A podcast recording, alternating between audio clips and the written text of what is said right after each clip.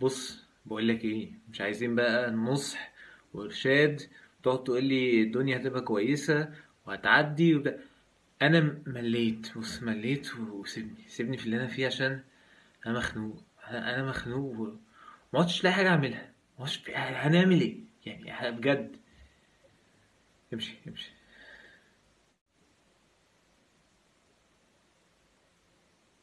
يا عم خلاص مش قايل لك حاجة. يلا والدنيا سودة وإحنا هنفضل في في القاع اللي إحنا فيه ومش هنتحرك وعايز تسودها؟ يلا نسودها.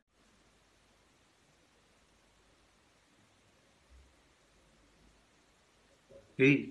إيه يا عم؟ خلاص. احكي حكايتك بقى. في يوم النبي صلى الله عليه وسلم دخل الجامع فلقى صحابي قاعد كده فقال له يا أبا أمامة ما لي أراك جالسا في غير وقت الصلاة؟ فقال هموم لازمتني وديون يا رسول الله. فقال له أفلا أعلمك شيئا؟ إذا قلته أذهب الله عنك همك وقضى عنك دينك؟ قلت بلى. قال قل إذا أصبحت وإذا أمسيت. اسمعوا بقى من النبي صلى الله عليه وسلم. بيقول لنا إيه الدعاء اللي نقوله ساعة الهم والغم ولما نفسنا تكون ضيقة كده ومش عارفين نعمل إيه؟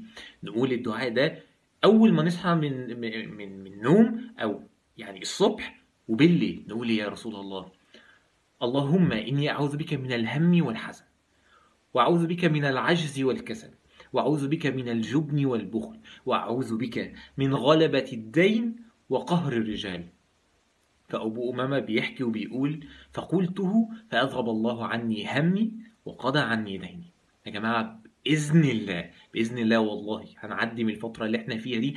وهنفتكر بعدها ونقعد نضحك نقول يا فاكرين أيام ما كنا في حظر وأيام ما كنا قاعدين مع بعض ومغمومين وفي ملل ومش عارفين نعمل إيه؟ يا الحمد لله بإذن الله هنوصل للأيام دي. تفائلوا